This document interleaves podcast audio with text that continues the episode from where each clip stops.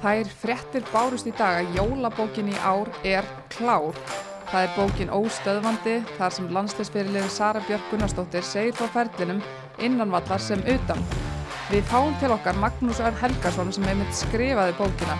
Við ræðum að sjálfsögðu bókina, yngri flokkatalum stúkna og aðradeldina en Magnús sem er núna aðalþjálfari gróttu var lengi yfirmaður yngri flokka. Ég heiti Hulda Myrdal.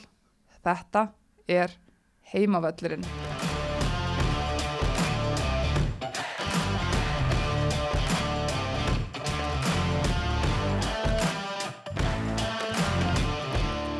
Jæja, Maggi, velkomin. Takk fyrir, takk fyrir að fá mig. Það er kósi hjá okkur í dag, við erum bara tvö. Við ætlum bara að hafa notalegt næsta klukkutímina eða svo er það ekki. Ljóma vel. Hérna, Maggi, þú varst yngsti þjálfarin held ég í sumar. Aðal þjálfari. 30 ára gammal. Já, ætla það sé ekki bara rétt þér. Og ég meina þetta var fyrsta árið þitt sem aðal þjálfari. Passar. Hvernig, hvernig var í sumar? Uh, sumari var, var mjög skemmtilegt og, og eins og ég segi, mjög lærtómsringt fyrir mig sem uh, þrítugan meistarlóðsjálfara í, í sínu fyrsta starfi og okkur í grótu náttúrulega gekk, gekk vel, við, okkur tókst að komast upp í innkassodeildina, það var það sem var, var stemt að þannig að síðasta tímabili var alveg var frábært. Og stemming fyrir inkasso næsta sumar? Já, mikil stemning uh, bæði hjá okkur í, í mestarlokki og, og félaginu öllu. Ég held að sé, ég held að allir átti sig á því að það verkefni sé uh, talsvert uh, stærra og, og erfiðara en önnundildin var í sumar. En við höfum þegar hafið æfingar og, og ég held, já, ég myndi segja að það væri mikill hugur í, hugur í hópnum og ég sé mjög spennt. En svona önnundildin, þetta, það eru færilið þar inn í innkassodeildinni, hvernig svona hva, hvernig fannst þér deildin í sömar? Þið komist upp með völsung og hvernig fannst þér svona þið farið mikið út á land náttúrulega, hvernig, hvernig finnst þið bara þessi deild? Uh, ég held einmitt þess að nefnir að það voru ekki nema sjölið sem spiluðu sömar þannig að ég held að það sé stæsti stæsti í rauninu ókosturinn við deildina. Því að það að vera í meistarflokki og uh, æfa stíft alla meturinn og fá svo bara að spila tólf keppmisleiki í Íslandsmóti það er eiginlega vandræðilega lítið. Þannig að hver leikur telur alveg afskaplega mikið og uh, eins og segir mikið að ferðalögum. Það var Akureyri Húsavík uh, Fjörðarbygð og, og Hodnafjörður uh, sem að hérna sem að náttúrulega er, er, er dýrt fyrir okkur á höfuborgarsvæðinu þó að það sé nú aldrei vinsalt er að liðin fyrir sunnan sé að hvartið ferðarkostnaði uh, en en deildin var hún var skemmtileg hún var, um, hún var jöfn. Völsungur kom óvart og, og rúlaði þessu upp. En svo var bara barátt að erunni fram í síðustu umferðum um hver fylgdi þeim og, og við hafðum við endum fann það fyrir ofan sindra á félagið mm -hmm. Hvernig farið þið, fórið þið flugu í þessu leiki eða rútu eða? Uh, við svona dreifðum við bara aðeins. Við hérna, við flugum á Akureyri með bara mjög lítinn hóp. Á Húsavík og kerðum við og gistum á leðinni svo tókum við tvo leiki á Ílstöðum og, og Hotnafrið sem við flugum og kerðum heim. Eins og segir að fara í alla þessa bæ hva, var, það er oft, myndast oft skemmtileg stemming svona utanbær hva, hvað, á hvað völd var skemmtilegast að koma uh, það var uh, mesta stemningin á, á eilstöðum Já. það var uh, margt fólk á vellinum og, og hérna bara læti og gaman. Því miður var alveg afskaplega leðilegt viður á, á hotnafyrði og og á Húsavík í rauninni var var stemningin mikið minn en maður hefði búist við því að það er unn okkur 1-0 og treyðu sér upp um deilt og, og mér finnst svona pínulegilegt hvað hva voru fáir húsvíkingar sem voru mættir til að hérna, hveitja sitt frábæra lið þannig að mm -hmm. ég vonaði þegar við mætum að næsta sumar að það verði, verði miklu fleiri. Pakkfullt bara. Það er skemmtilega að spila þegar það er fólk í stúkunni. En á nesunu, hvernig, hvernig var mætingi þar? Mætingin á, á leiki hjá okkur var myndi ég segja til fyrirmyndar. Með að við, með að við þá deild sem við vorum í með að við vorum að spila í, í neðstu deild. Og uh, við erum svo heppin að enda mótið á tveimur heimalegjum uh, í lok ágúst og 8. september og þá náttúrulega var, var kallaleið okkar líka að byrja að vekja mikla aðtikli og mætingin á leiki hjá þeim orðin alveg meiri hátta góð þannig að við fengum svona þá stemningu með okkur og, og svona náttúrulega vissi fólk hafur undir hjá okkur þannig að á, á loka leiknum þess að við treyðum okkur upp var uh, held ég langmesta mæting sem hefur verið á hvernig fókbaltaleika á, á nesinu og, og uh, þú varst nú mætt hulda Mhm. og, og hérna varst með í stemningunni sem var alveg bara meira átt að góð og, og við vorum ótrúlega glöð og þakklátt fyrir stuðningi sem við fengum í einmitt, einmitt þessum mikilvæga leik Mm það, var, það var gaman þannig, ég get alveg sagt, sagt það. En hérna önnudeldin, það er svona, hefur verið gaggrínin umræða á aðradeldina að liðin sé að taka inn of marga útlendinga. Það væri kannski gaman að heyra þína skoðun á þessu. Þú veist, uh, eins og ég minna, það eru átta leikmenn, útlenski leikmenn í úrvalsliðinu sem var tilkynnt eftir tímabilið, þú veist, hvað finnst þér á þetta að vera stökkpalli fyrir yngri leikmenn eða á verðarliðin að styrkja sig með útlendingum? um, ég varandi stökkball fyrir yngri leikmenn að ég held að uh, umhverfið í annari deild sé þannig í það mennst í byli að uh, yngri leikmenn uh, úr öðrum liðum þar að segja stökkvi ekkert til til að fara að spila í annari deild. Ég get alveg staðfist það að, við vildum helst þyrkja liðið okkar með efnilegum stelpum úr, úr starri liðunum. En, en þær fóru í inkassodeildina Mm og stóðu sér bara vel þar sko. ég held að uh, í þessum liðum hafi, hafi heimastelpur ekkert þurft að víkja endilega. Ungar heimastelpur fyrir, fyrir útlendingum. Uh, við og, og, og Sindri það eru sex stelpur á þrjálfsaldri sem að spila hjá okkur og Sindri átta hjá Völsung. Fættar þá 2003 og 2004? einmitt, uh, tvær hjá fjörðarbið og, og ein hjá hömrónum uh, Altanis og leikni náttúrulega Altanis eru með svona yngjörflokkastarfi þeirra er hvað getur við sagt, það er svona takmarkað. Mm þannig að ég held að sem uh, uppalinn leikmaður, ungu leikmaður í þessum liðum sem voru að spila í annar deild í sumar að þar hafi tækifærin algjörlega verið til staðar. Uh, svo þegar þar var þétta ræðirnar að þá eins og bara fyrir okkur sem erum á besta staðu höfuborgarsæðinu okkur tókst ekki að fá unga leikmenn úr öðrum liðum. Og þá getur maður ímyndað sér að það sé erfitt fyrir sindra og fjárðabið að Mhm. gera það. Þannig að þá kannski eðlilega að leita liðin þeirra leiða að fá útlendinga það hefur nú ekki verið kannski stílinn hjá, hjá gróttu en, en við vorum, vorum enga síður með, með tvær frekar óvænt -hmm. óbáslega góða leikmenn en samt sem áður þá þurfti, þurftum við ekki að borga emnin laun en það er það stefnan hjá gróttu að, að greiða leikmennum í mestalokki ekki laun heldur að, að leggja meira í, í umgjörðana en það voru góði bakhjallar sem þeim vinnu og, og húsnæði þannig að Þá erum við að tala um Dítu mitt sem að var svo, hún er í Benfica núna. einmitt uh, og það var ekki eins og ég sem sótt hana hún er rauninni, hafði samband með mig að spyrja hvort hún mætti koma og uh, það var oft hölda í sumar á æfingum með leikjum sem að ég eiginlega trúði ekki að það væri svona góði markmaður að spila með okkur í, í annara deild og ég held ég geti fullir það hér og nú að, að Dita hefur verið eina af fimm bestu markmörunum sem var að spila í deildakefninni á Íslandi í sumar En hvernig stendur á því að það, það er enginn sem að, að hún er að spila í annar deildinni? Hvað? Eh, ég get ekki svaraði en Dita vissulega búin að vera fimm ár á Íslandi áður en hún kemur til okkar eh, nú sumlið eins og eins og eh, til dæmis FH og þróttur og, og hérna já, treysta á, á unga markmenn og sínu röðum Mm -hmm.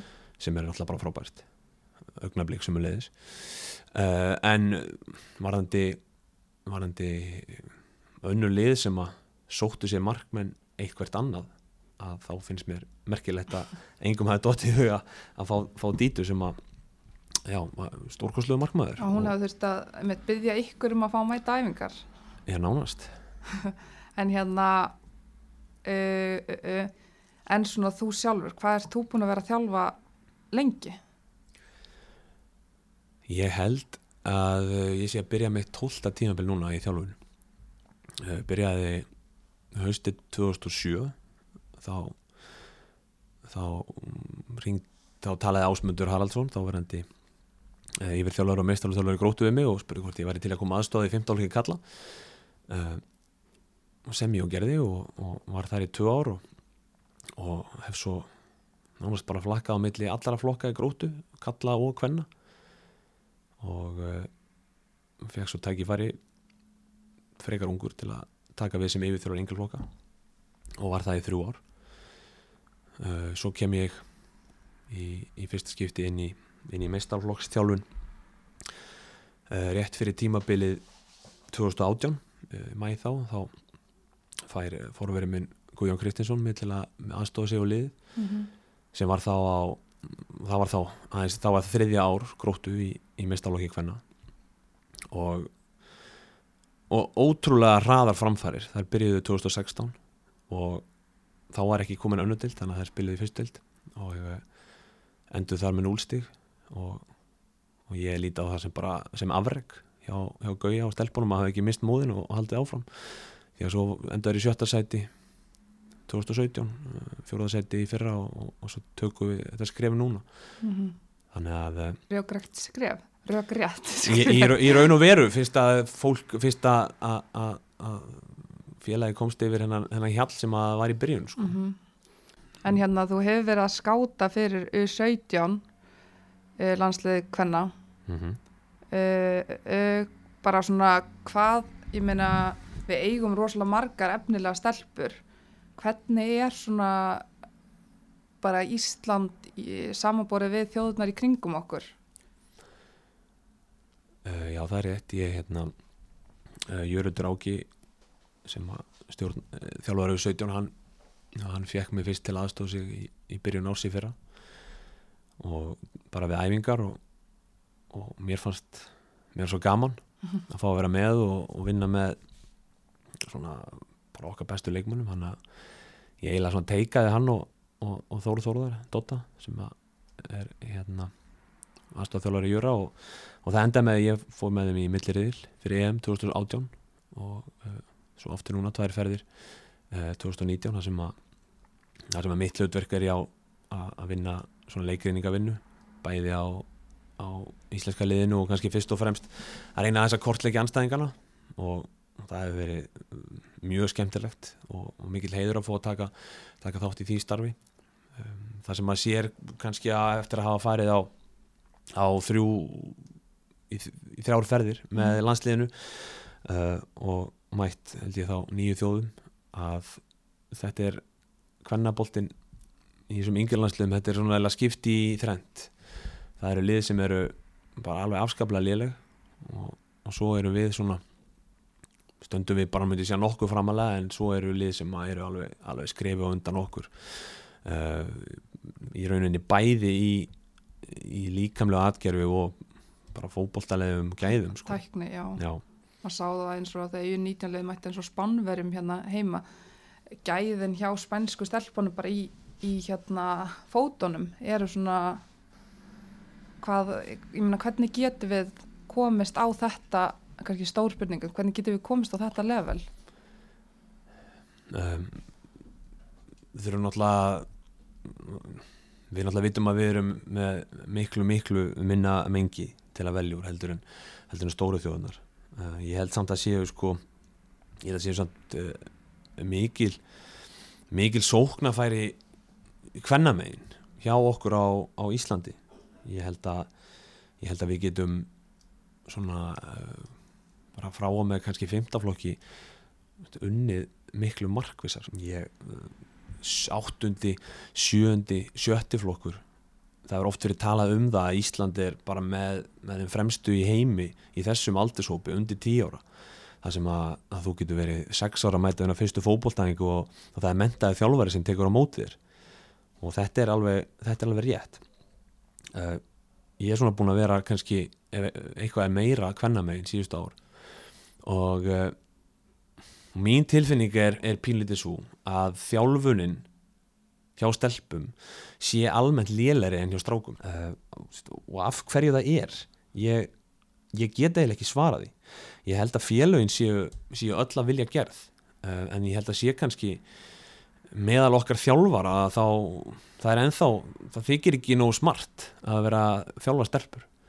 Og svo er líka kannski menningin pílitið þannig að uh, einhver hluta vegna þá eru, þá eru gerðar minni kröfu til stelpna sem eru í, í fótbolta heldur en stráka. Það er ekki að gera annað en að fara bara á, á leik í 15 flokki kalla A og 15 flokki kvenna A eða fjórða.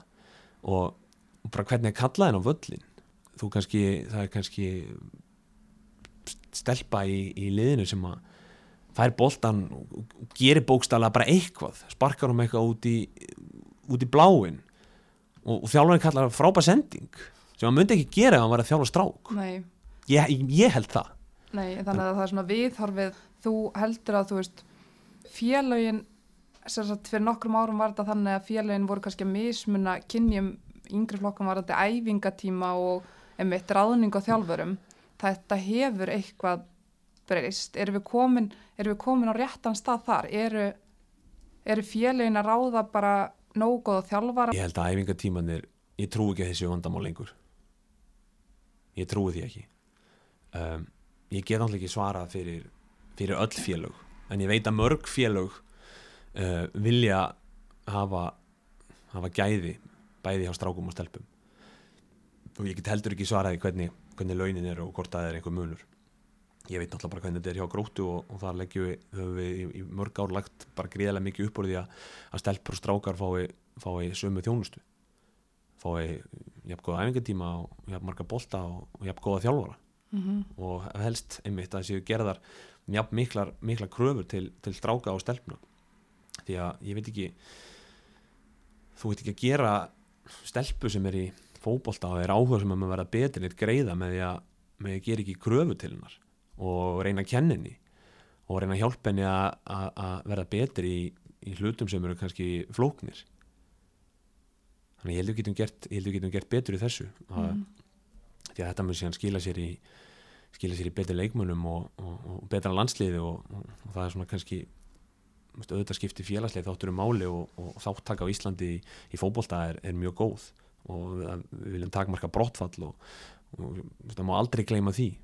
Um, en, en uh, ég held að ég held að við eigum að geta gert, uh, gert miklu betur í þjálfurinni og þannig að, þannig að stelpunar okkar uh, þegar þær eru komnar á, á, á þann aldrei að fara að spila með landsliðum og það séðar betur í stakk búna til að takast á við, við eins og þú ert að nefna þessi, þessi sterkustu þjóðir -hmm. og, og ég hef alveg ég hef alveg orðið vitna því í, í þau skipti sem, að, sem að ég hef verið að aðstóða í, á, á, í yngirlandslegunum og einhverjum hæfileikamótum að, að þjálfararnir frá KSI þeir eru kannski að, að með æfingu er, er að undibúa liði fyrir leik og, og er að byggja miðverðina um um að horfa upp og spilin á miðjuna eða er að byrja miðmennun um, um að taka móti boltanum og snúa fram. En svo kannski gera þið aldrei hjá félagsliðunum. Þannig að þetta er óbáslega erfið staða.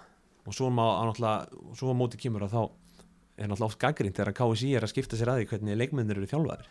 En, en hvernig á, á hérna, hvernig á varnamæður í 17. að geta spilað henn á miðjuna í landsleika móti, móti Ítalju ef hún á alltaf dúndra boltanum fram þegar hún færa hann í sínu félagsliði hvernig á sóknamæður að að draga inn á völlin og fá boltan í fætur það er eina sem hún gerir alltaf er að hlaupa inn fyrir? Mm -hmm, en þú veist hvað hva er á þetta að byrja? Þú veist, í hversu gamlar maður hefur heista til dæmis þegar yngri stelpur er að byrja 6-7-8 ára gamlar og strákar 6-7-8 ára gamlir þú veist, þá er þetta bara alvöru frá fyrstu æfingu skilur, meðan kannski það er hjá stelpunum hitað upp í snúsnú eða svo er bara að fara í keilu eða eitthvað svona skilur, þetta týðkast ekkit mikið þegar þú ert að þjálfa unga stráka í miklu mæli, væri ekki hægt bara, þú veist, ég veit þetta á að vera gaman líka, en af hverju er þessi munur einmitt á svona viðhorfið þarna, þetta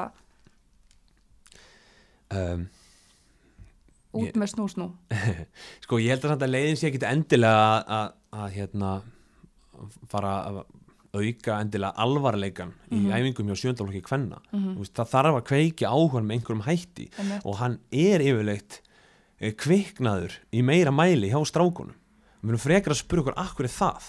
Er fótbolta haldið kannski meira að strákum heldur en stelpum heima fyrir? Er pappin sem hefur áhuga á fótbolta er hann meira að fara með strákir út af öll heldur en stelpuna? Já, ég meina þegar uh, enski boltin er í gangi á laugatum þá eru bara strákar þar. Ég meina þegar það er í FIFA, þegar stelpa fyrir FIFA, hún er bara að spila kalla leikmenn, hún þarf að velja sér skilur Hazard, Ronaldo og þessar kalla. Hún getur ekki valið mikið um hvern fyrirmyndir þar til dæmis. Nei, er nýlega reyndar en, Mjög nýlega. já, mjög nýlega En þá er það kannski með þess að við að tala um við, þá erum við heima fyrir. Ég fann hérna grein frá 2015 áhugaverða sem þú skrifaði hérna foreldrar í feluleik mm og þar er þetta að tala um viðhorfið einmitt bara í, í nánasta umhverfi krakkana. Þú veist, ef það er kallt úti þá er strákar að klæða sig betur en stelpan kannski, eh, það er bara gott að hún sé heima og, og sleppi því að verða veik og eitthvað svona skiluru. En, og líka ég meina þessi yngri mót hjá strákonum, maður veit það ennett mótin og þetta, þetta er bara sett inn í dagatalið í janúar sko og allt sömarið skipilagt út frá þessu móti meðan kannski stelpuna, stelpunar það er, nú er ég að alhaga kannski en það, það eru til fjölskyldi sem fara allar með stelpunum en það er oft bara ein mamma sem þar kannski bara, hún er sett í það hlutverk að fara með. Já, einmitt mikilvægt eins og þú ert að nefna við erum að passa okkur á því að vera ekki að alhæfa að því að sem betur fer að þá og það frá því að ég skrifa þessa grein sem eru uh, hvað fjögur ár síðan Einmitt, hefur þetta breyst? það ætti hefur breyst, alveg klálega það eru miklu fleiri foreldrar sem að standa virkilega við bakið á, á sínum stelpum.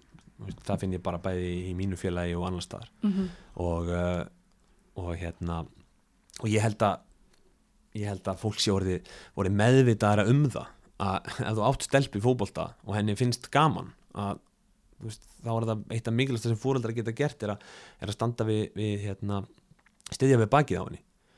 Og, og það er líka alveg sama og ég var að tala um, um daginn. Þú veit að ég sem betur fyrir erum við með marga mjög góða þjálfara í, í yngjörflokkum hvenna en ég er bara að segja, mér finnst að mér finnst að sko, betur má eftir duga skal og við erum, og, og hvennamegin erum við langt frá því það sem er að gerast kallamegin en, en já, ég sk skrifa þessa grein já, 2015 uh, að því einmitt að, að mér fannst þá var ég búin að vera með uh, ég var búin að vera að þjálfa fjórðaflokk hvenna og fjórðaflokk kalla og þarna var ég held ég, ég maður rétt að 15 flokk kalla og, og, og búin að vera 15 hvenna held ég líka. Þannig að manni, fa ma maður fann fyrir mun einmitt á því hvernig, hvernig fólk nálgæðist eins og, eins og þessi, þessi stóru mót og, og, og, og hvað svona og hvaða var sem skipti máli fyrir fóreldrana -hmm. stundum náttúrulega geta fóreldrar sérstaklega stráka gengi og langt sko. Og hérna og verið komin fram úr sjálfum sér. En, en, en þessi grein vakti henni var, henni var mikið það voru margir sem deild henni. Mm og, og Fólk tengdi við þetta. Já, það hlýtur að vera. Uh, og en eins og ég held að samt sé bara aðalmáli sé að, að við séum á rétti leið og þetta hafi breyst til þess betra, alveg klálega Mm Líka bara eins og hvernig fóreldrar, þú nefndir þarna hvernig kallin á völlin, þú veist, strákarnir bara, það, eh, hliðalína trillist, skilur við hvað þeir sé að spila vel, en þú veist, ef að stelpa, þá er hún kannski bara dúlluleg, skilur Mm. þú veist, einmitt þetta var svona, svona krútlegt bara. Já, bara, uh, hefur þetta breyst, hefur þið fundið fyrir því svona hvernig fóreldrar taka við sér á hliðalínunni? Já, ég held að, að fóreldrar ég held að svona stemningin á hliðalínunni almennt sé bara orðið mikið jákvæðar en hún var fyrir nokkrum árum. Finnst fólk vera að minna að hérna, hjóli dómaran til dæmis. Mm það er búið einhvern veginn að það hefur tekist að, að fá fólk til að bera meiri virðingu fyrir, fyrir dómurum þó sé náttúrulega alltaf einn og einn. Og, og ég held að ég held að svona meðvitundin um hvað hva er í gangi að, að þjálfarnir séu kannski að reyna að kenna stelpunum eitthvað og, og, og þó að þú tapir fótballtaleiknum að, að þá kannski tókst þér eitthvað sem að þjálfarnir var að leggja upp með og, og öfugt að, að þú getur alveg, getur alveg unnið eitthvað fótballtaleik á þess að hafa verið að gera svona, gera eitthvað markvist sem mm. batni í fótballta -hmm. um, en, en hérna já ég held að ég held að þetta hafi lagast sem betur fyrr Mm Svo þú talar um að þjálfa yngri flokka. Ég hef verið þjálfari og spilað á móti ykkur í gróttu. Er náttúrulega umtalað þetta gróttu mótel, sérstaklega Óskar Rafn og þetta. En það, ég tók eftir þessu þarna að þegar ég var að þjálfa yngri flokka, það var kannski ekki allstar þetta sam, þetta sama skipulag hjá ykkur það að mæta ykkur, það var bara boltana var haldið niðri markmaðurinn spilað alltaf út, það var ekki hann var alveg til hömruð á þessu. Mhm. hversu mikilvægt er að byrja og hvernig er að byrja þetta hjá leikmönnum sem eru kannski bara einmitt 7-8 ára? Ég held að það sé mjög mikilvægt að, að hérna íbland við að Mhm. það sé gaman og veki áhuga. Að þá held ég að sé mikilvægt að, að, að fá svona ákveðin ákveðin grunngildi inn strax. Fyrsta leið er náttúrulega bara að, vera veist, það sé allir að hlaupa og leggja sér fram. Og, og svo, að, svo kemur í öðru lagi að, að- læra að vera í liði og vera liðsfélagi. Þú veist, þú þetta byrja á þessu strax. Og svo líka hvað er að gerast í, inn á sjálfum fótboltavellinum? Að, að þú áttir að, að við látum við fáum krakkana strax til að til að vera ekki hrætt um að gera mistök. Að þau þóri að þau þóri að, að, að gera hluti undir pressu. Og að þó að ef til vill þú, þú fáir á því mark að þá gefur það síðan miklu meira þegar það tekst að spila í gegnum pressuna. Og þú þorir að, þorir að taka menn á og, og, og, og leysir leysir málinn með, með markvið sem hætti. Og, við náttúrulega uh, við þurfum svona verið að þróast í gróttu dóldi lengi. Og við svona við Bjarki Már Ólafsson við byrjuðum svona í vorum fengnir í ákveðna svona stefnu mótuna vinnu. Og það nefnir Óskar og, og hann var náttúrulega þá uh, að byrja að þjálfa hjá okkur í gróttu og var svona var mjög ráðgefandi við okkur í, í þessu ferli.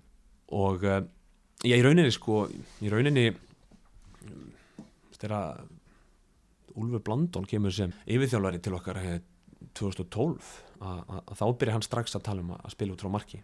Og eh, alveg niður í þá yngri flokka. Já, Já. al- alveg strax og sem var í rauninni erfiðara þá því að það var ekki verið að spila í fimmárabólta eins og er núna, það var að Mhm. spila sjömárabólta þannig að það var, það var byrjað og svo við Bjarki kannski svo tökum þetta svona aðeins lengra og, og mótum svona einhverja, einhverja heildarna stefnu ekki bara hvernig þú átt að spila heldur bara hvernig eh, hvernig hugmyndafræði félagsins er hvernig við viljum byggja upp okkar fólk eh, bæði sem einstaklinga og, og, og fótboltafólk og já þetta var hérna við Bjarki vorum að, að svona teikna þetta upp í, í svona cirka ár og eins og eins og og nefnir Óskar Hafn var mjög uh, var hjálpað okkur mikið og, og svo fengum við fleiri inn að borðinu, stjórnafólk og aðra þjálfara og þannig að þetta er búið að vera svona og svo er þetta búið að vera í þróun þannig að við gefum hann út gróttuleðina 2016 uh, og nú er alveg sko fyrir löngu komin tíma á að, á að uppfæra sko því að það er einhvern veginn margt í þessari ágættu bók sem að maður myndi viljum eiginlega ekki sjá sko, þú veist, einhverju hlutir sem að skipta bara einhver máli. Eins og hvað? Eins og til dæmis uh, við gengum svo langt að, að að tala um sko um, hvernig, hvaða leikkerfi við vildum að er í spila í 11 ára fótbolta. En svo sjáum við það í daga að leikkerfi sjálft skiptir einhver máli hvort út með 2 eða 3 eða 4 Mhm. eða 5 í vörð það eru, það eru grunngildin sem skipta máli. Mm -hmm. Að þú þorir að þú þorir að að, að verja stoful á vellinum að þú þorir að, eins og ég var að tala um að þú þorir að spila út frá spila út frá marki undir pressu að þú þorir að fá boltan með, með mann í bakinu. Að, að það sem þú ger, að þú gerir sé markvist mm það er það sem skiptir máli. En á þessum tíma fannst okkur þetta alveg meira áttar hugmynd en sjáum það í daga hvað skipt- leikkerfi var þetta? Þetta var fjóri þrý þrýri Já. ef maður rétt. En það er einmitt sem að fólk kannski er að tala um þessa gróttu leið í sko eins og meistarflokki Karla og þetta og að þessi búin, búinir að móta þetta búin að móta þetta bara fast þar. Mhm. en svo það kom mér óvart að þetta væri komið niður í þennan 6-7 ára aldur og þá er einmitt bara svona uh, bara uh, sumir gæti hugsa bara að við getum gert þetta bara þegar hafa skilning á þessu þegar 10, 11, 12 ára.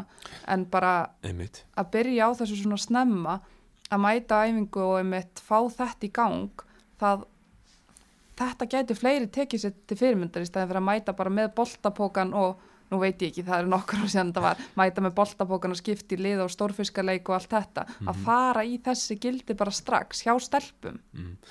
Já, þetta snýst í rauninni aðla bara um að fólk íþróttafélag og, og fyrirtæki og einstaklingar spurja sig bara reglulega hvernig vil ég vera? Mm -hmm. og fyrir hvað vil ég standa og, og ég held að, að hvort þú barna koma á þína fyrstu fótbolltæðingar og eða bara farið þína fyrstu tónlistatíma eða eitthvað að það sé bara strax byrjað að, að, svona, að vinna eins með hvernig, hvernig hérna hvernig fólk við viljum byggja upp. Mhm. ef að skekkinna viðkomandi bara fengi mikinn áhuga og, og vildi vera bara bara vera upp alla yngri flokkana Er það að breytast núna að vera yngri flokkaþjálfari að, að það skipti meira máli núna eins og segir, maður getur séð að það skipti svo svakalega miklu máli, sé eitthvað sem hafi virkilegan áhuga og metnað.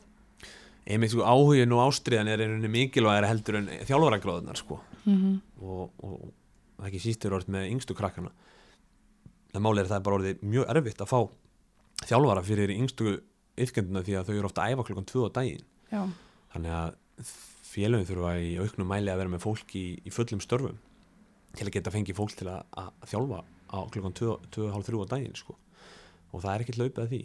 Þannig að það er snúið að finna, finna frá, frábært fólk til að þjálfa yngstu yfkenduna en það er kannski einmitt að mikilvægast að öll mm en hérna spólum aftur í 17 Já, liða einmitt, einmitt. Það er bara, það er að næga að taka. En U17 liði, sérðu eitthvað hvað er við að gera vel þar? Um, sko það sem erum náttúrulega ég held að það hafi verið uh, mjög gott skref hjá KSI þegar þeir einmitt talandu fullt starf uh, fór að ráða þjálfara inn full time um, í staðan fyrir að viðkomandi var að vinna einhver starf annar starf var í öðrum verkefnum hann þá eru sömu þjálfarar með, með 17 og aðstofðu 19 og, og öfugt. Þannig að þá er meira sveigrún til, til að mæta á, á leiki og fylgjast með leikmennum og spila í sínu umhverfi. Ég held að það hafi verið að verið mikið framfaraskref um, svo verður spennandi að sjá hvernig nýri yfir maður knaspunumála hvernig, hvort að hann er að koma uh, er að flytja okkur upp á, upp á herrastig hann er nú byrjaður að breyta ykkur, eða ekki? einmitt, það, það eru hérna vissa breytingar í, í 15 loki til dæmis sem að ég til dæmis mun kynast ljóðlega sem ég er að þjálfa 15 loki hvenna líka og, og já, það er spennandi það er mjög spennandi og, uh, en það sem að ég myndi kannski sko ég hef oft velt fyrir mér að uh, kynin eru ólík. Stelpur þroskast líkamlega á undan strákum. Stelpur byrja fyrir að spila meistarflokki og stelpur hætta fyrir að spila fótbolta. Þannig að þá spyr ég mig af hverju tökum við stráka og stelpur á sama tíma í fyrsta skipti inn á landsleisæðingar það er að segja 13 ára í svona svo kallu hæfileika mótur Mm -hmm. mætti ekki taka stelpurnar 12 ára. Og strákana þá á móti kannski 14 ára. Þar sem að þær eru svona tveimur árum undan. Ég held að ég held að það væri ég held að það væri framfæraskref að reyna, að reyna að grípa þær fyrr því það gerist allt miklu fyrr hjá þeim. Og, og ég held að liðin í öllum deildum öll nema þrjú voru að nota stelpur í þriðaflokki, mestarflokki í sumar. Uh, og svo verðum líka að spyrja okkur sko, er það alltaf er það alltaf jákvætt? Er það alltaf jákvætt fyrir 15 og 16 ára stelpur að fara að spila með meistarflokki hvernig er fótbolt að spila meistarflokkurinn hvernig er meistarflokkstjálfarinn er, er er umhverfið sem þessi 15-16 ára stelpa er sett í til þess fallið að hún bæti sig? Eða bara þannig að hún hjálpi liðinu? Uh, er í einhverju tilfellum betra fyrir 15-16 ára stelpur að spila með, með þriðaflokki kalla Mm það sem að það sem að, að ákefðin og hraðin er, er, er meiri en í mestalokki hvenna neðri deildum. Þannig að veist, það eru svona það eru margar spurningar sem að, sem að má spyrja sig að. Uh, en ég held að við þurfum að við gætum það væri hægt að grípa efnilegu stelpuna fyrr -hmm. í fyrsta lagi. Uh, og í öðru lagi held ég að, að það sé hvernig sem það er gert og það er náttúrulega ekki öll félög ána með að KSI sé að skipta sér af þeirra starfi. En við þurfum að passa upp á að okkar efnilegustu stelpur séu á krefjandi æfingum að spila krefjandi leiki. Uh, ég veit ég maður heyrt að sé vilji hjá KSI til að efnilegustu leikmenni komi oftar saman. Og félögin hafa tekið misjaflega í það held ég. En ég held sérstaklega meina að skipti máli. Já, ég held að sé mjög oft ég óttast það, ég óttast það mjög oft séu bestu stelpunar uh, á og of, létt. of léttum æfingum. Já, út af því að eðlilega það eru ég held að það eru talsvert færri stel- þó að sé þáttakan hjá okkur sé góð þá eru færri stelpur að æfa strákar. Þannig að breytin er minni. Þannig að hættan á að þú að þær séu alltaf bestar og fái sjaldan challenge Mhm. hún er miklu meiri hjá stelpum. Þannig ég held að þurfum að huga þessu. Já, algjörlega. En þá komum við á bókinni þinni, Óstöðvandi, Magnús, já, bókin um Söru Björk Gunnarsdóttir, landslisfyrirliðin okkar. Hvað, þú veist, hvenar kviknar þessi hugmynd hjá þér? Þú er ekki skrifað bók áður. nei, þetta er mín fyrsta bók uh, hugmyndin kviknar hún kviknar henni bara um, um síðustu jól uh, ég var eins og svo margir að lesa skemmtilega bók um, Aron Einar og, og ég einhvern veginn sem svona mikið að þjálfi í kvennaboltanum byrjar svo strax að hugsa veist, hérna hefur verið að taka frábæra fyrirmynd sem Aron er að mörgu leiti og, og, og leifa fólki að fá betri einsýn inn inn í hans líf og hans fyrir. Mm og þá einhvern veginn byrja ég strax að hugsa veist, hvað getum við gert? Hvað getum við gert hvenna megin? Því að það eru fyrirmyndar svo sannlega til staðar. Og svo er Sara Björk va- valin í Íþróttamar ásins uh, í loka ásins og þá hérna og þá hugsaði ég bara með mér að, að, að hérna væri bara ótrúlega ótrúlega gott tækifæri og ótrúlega flott augnablík til að taka já, ég meina þá fótballtakonu sem hefur náða lang lengst og og, og, og gefa áhugasumum tækifæri til, a, til að vita meira ef hún hefði annar búið áhuga á því En hvernig tók hún í þetta? ég hérna sendi henni skilabóð og hún var bara strax spennt, Þekktustu eitthvað áður? ekki Já. neitt. Var þetta bara Facebook? e, já. Og, og hún hefði verið að veltaði fyrir sér að, að hérna segja sína sögu. Og, og svo einhvern veginn hitt þetta bara svona á. Uh, og já eins og ég segi ég hef aldrei skrifað bók en, en veist, alltaf geta skrifað. Mm og skrifað bara eins og þennan pistil hann sem að, þú veist að tala um áðan og eitthvað bara tengt mínu félagi. Uh, en svona einhvern veginn verið með að baka eira, væri gaman að skrifa bók og ég held kannski, held kannski ekki er þið alveg þarna sko. uh, en mér fannst þetta allavega mér fannst þetta allavega ótrúlega spennandi að við værim að mér fannst, mér fannst í rauninni bara Ísland eiga ótrúlega afreikskonu í henni og ég hugsa með mér ef hún væri til í að segja sína sögu að þá væri það eitthvað sem gæti átt erindi við mjög marga -hmm. og ég held að það er uppi stað það sé klálega raunin sko Hún er náttúrulega ótrúleg, veist, þetta er uh, merkileg saga. Hún byrja náttúrulega að spila 14 ára með haugum í fyrstu deildinni, svo Mhm. á hún tvö erfið ár, missir af, uh, hún lendur í crossband meðslum erfiðum einmitt.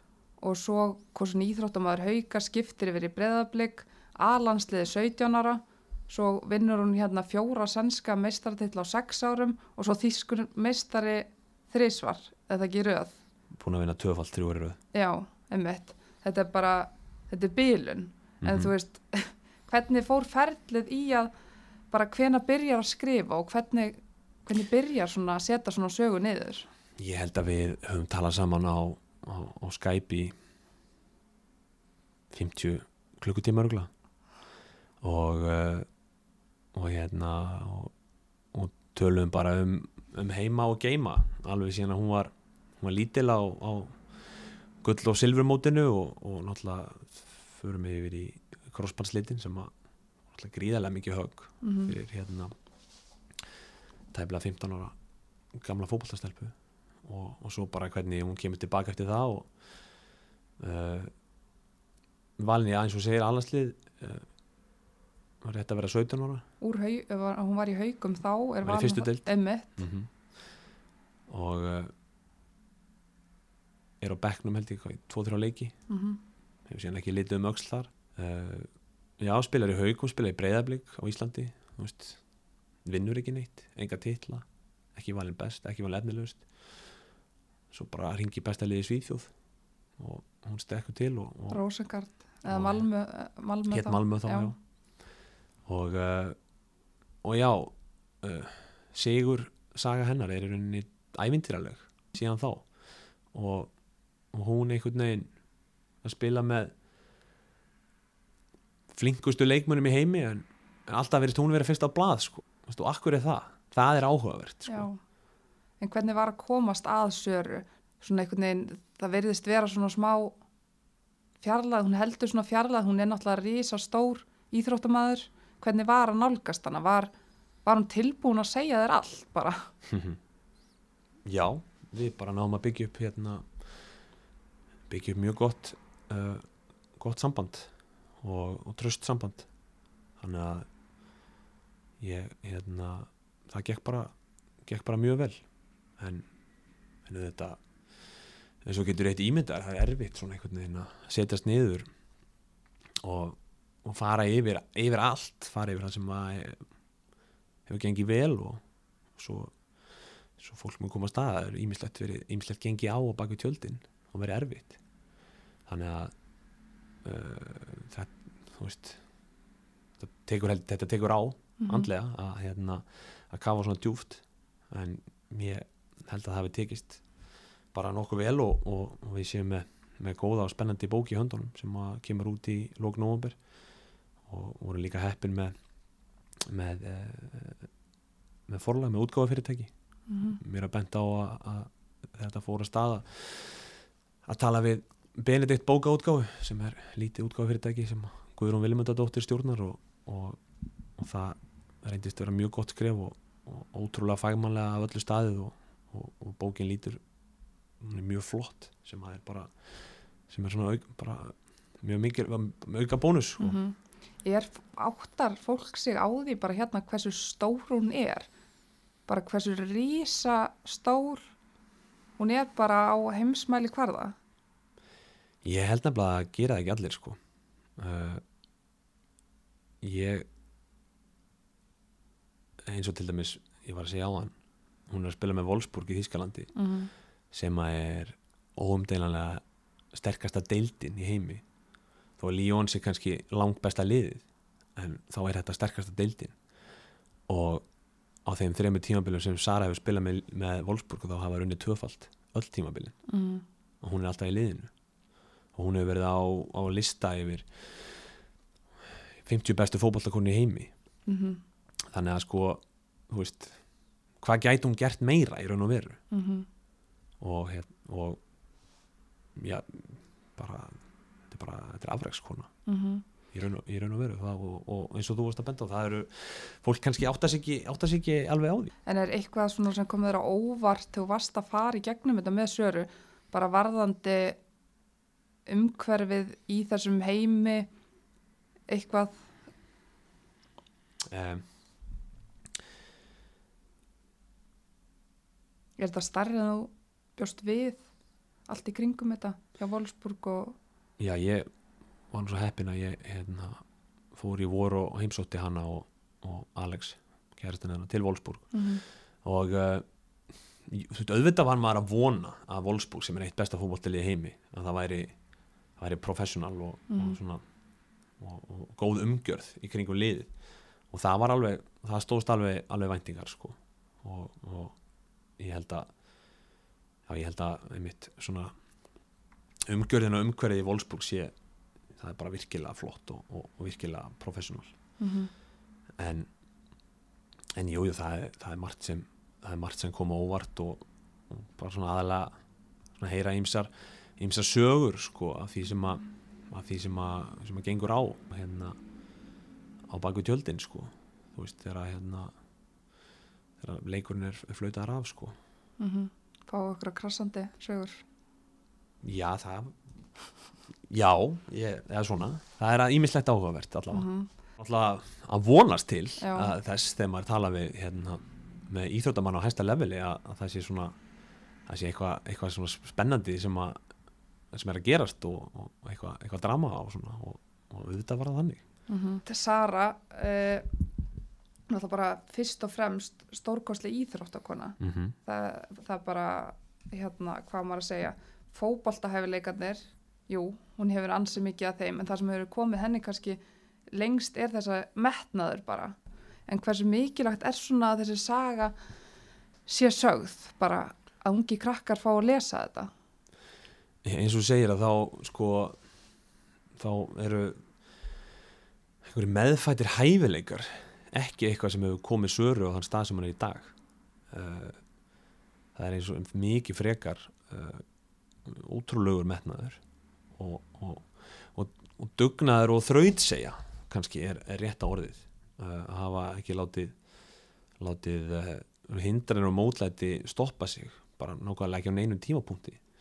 Uh, líka áhugavert einhvern veginn að Sara kemur úr mjög svona samrýmdri fjölskyldu sem að uh, og á, á fóreldra og, og bróður sem að það var alltaf tíð stutt mjög vel við baki á henni. Og fyndið við vorum að tala um þetta einmitt áðan í tengslu við stelpur og stráka í fótbolta. Mm að, að það er mjög áhugavert að, að, svona, það svona, myndi segja svona hálfgerðu þráður í gegnum bókina hvað hva fjölskyldu tengslin eru sterk og, og þau sækja mikinn styrk uh, hvert í annað.